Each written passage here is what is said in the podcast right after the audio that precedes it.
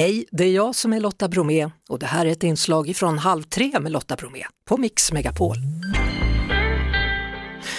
Hörrni, på juldagen så har en ny Beck-film premiär, Dödsfällan. En av dem som är med är Walter Skarsgård som spelar Martin Becks barnbarn. Hallå, välkommen till Halv tre. Hejsan, tack så mycket. Jaha du, vilken Beck-film i ordningen är detta? Har du koll? Ja, det här är 47. 47? ja. Ja, vet några stycken. Hur många har du sett? Eh, 46. Så du såg allihopa för att vara med och förbereda dig för rollen typ, eller? Ja, precis. Eller jag såg 42 då, för jag var ju med och gjorde 43, 44, 45, 46 Ja, men precis. Ja. Eh, Så inför de fyra så, så kollade jag alla 42 filmerna i rad. hur var de tycker du då?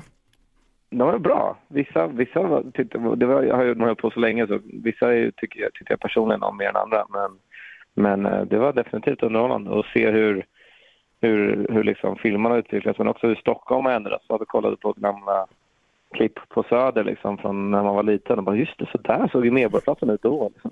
Ja, allt är omgjort. Ja. Ja, verkligen. Eh, Du säger att de har hållit på ett tag, det kan man ju lugnt säga. Hur, hur, hur lätt är det att komma in i en sån grupp människor som har hållit på i så många år? Det är nästan som att gå rakt in i en Ehm. institution här. Ja, det är både lätt och svårt. Det är svårt för att man, alltså i en själv så sätter man ju upp någon slags spärrar för sig själv. Att man kommer ihåg, okej men gud, så här, ja, ta sig in i den här gruppen som har hållit på i 25 år liksom.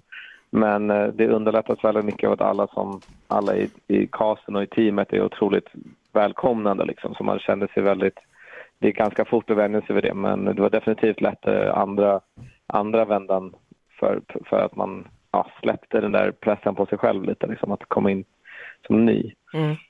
Eh, nu när du har varit med i några filmer här då, vad betyder det att du ser fram emot nästa omgång? Ja, det får väl, vi får väl se vad som, vad som händer, men det skulle vara kul att fortsätta. Ja, vem är han då det här barnbarnet, Martin Becks barnbarn?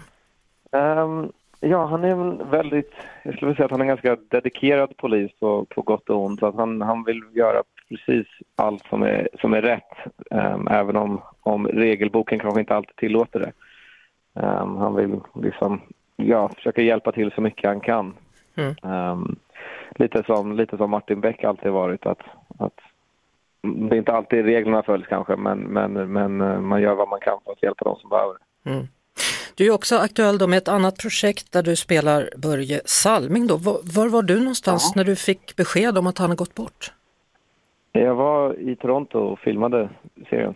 Um, eller ja, vi var, hade, vi var lediga just den dagen, men eh, jag satt på, på hotellet i Toronto.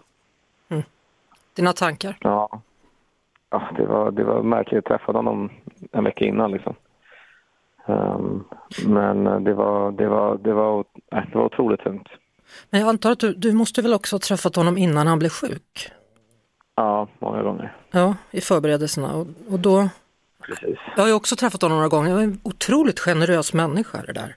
Ja, fantastiskt fin. Um, det är ju liksom, när man bara hör om hur han var på isen så kan man inte riktigt föreställa sig vilken ödmjuk och fin människa han är privat och personligen. Liksom.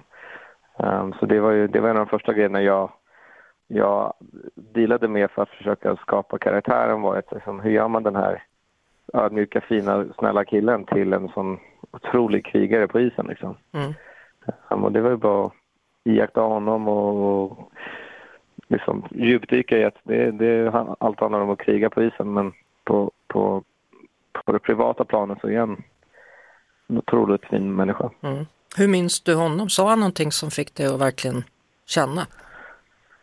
Um, alltså många saker. Jag, jag minns honom verkligen som, som jag sa, som, som den personen som var en av de största hockeyspelarna i världshistorien men som ändå tycker att han inte gjorde något märkvärdigt. Liksom.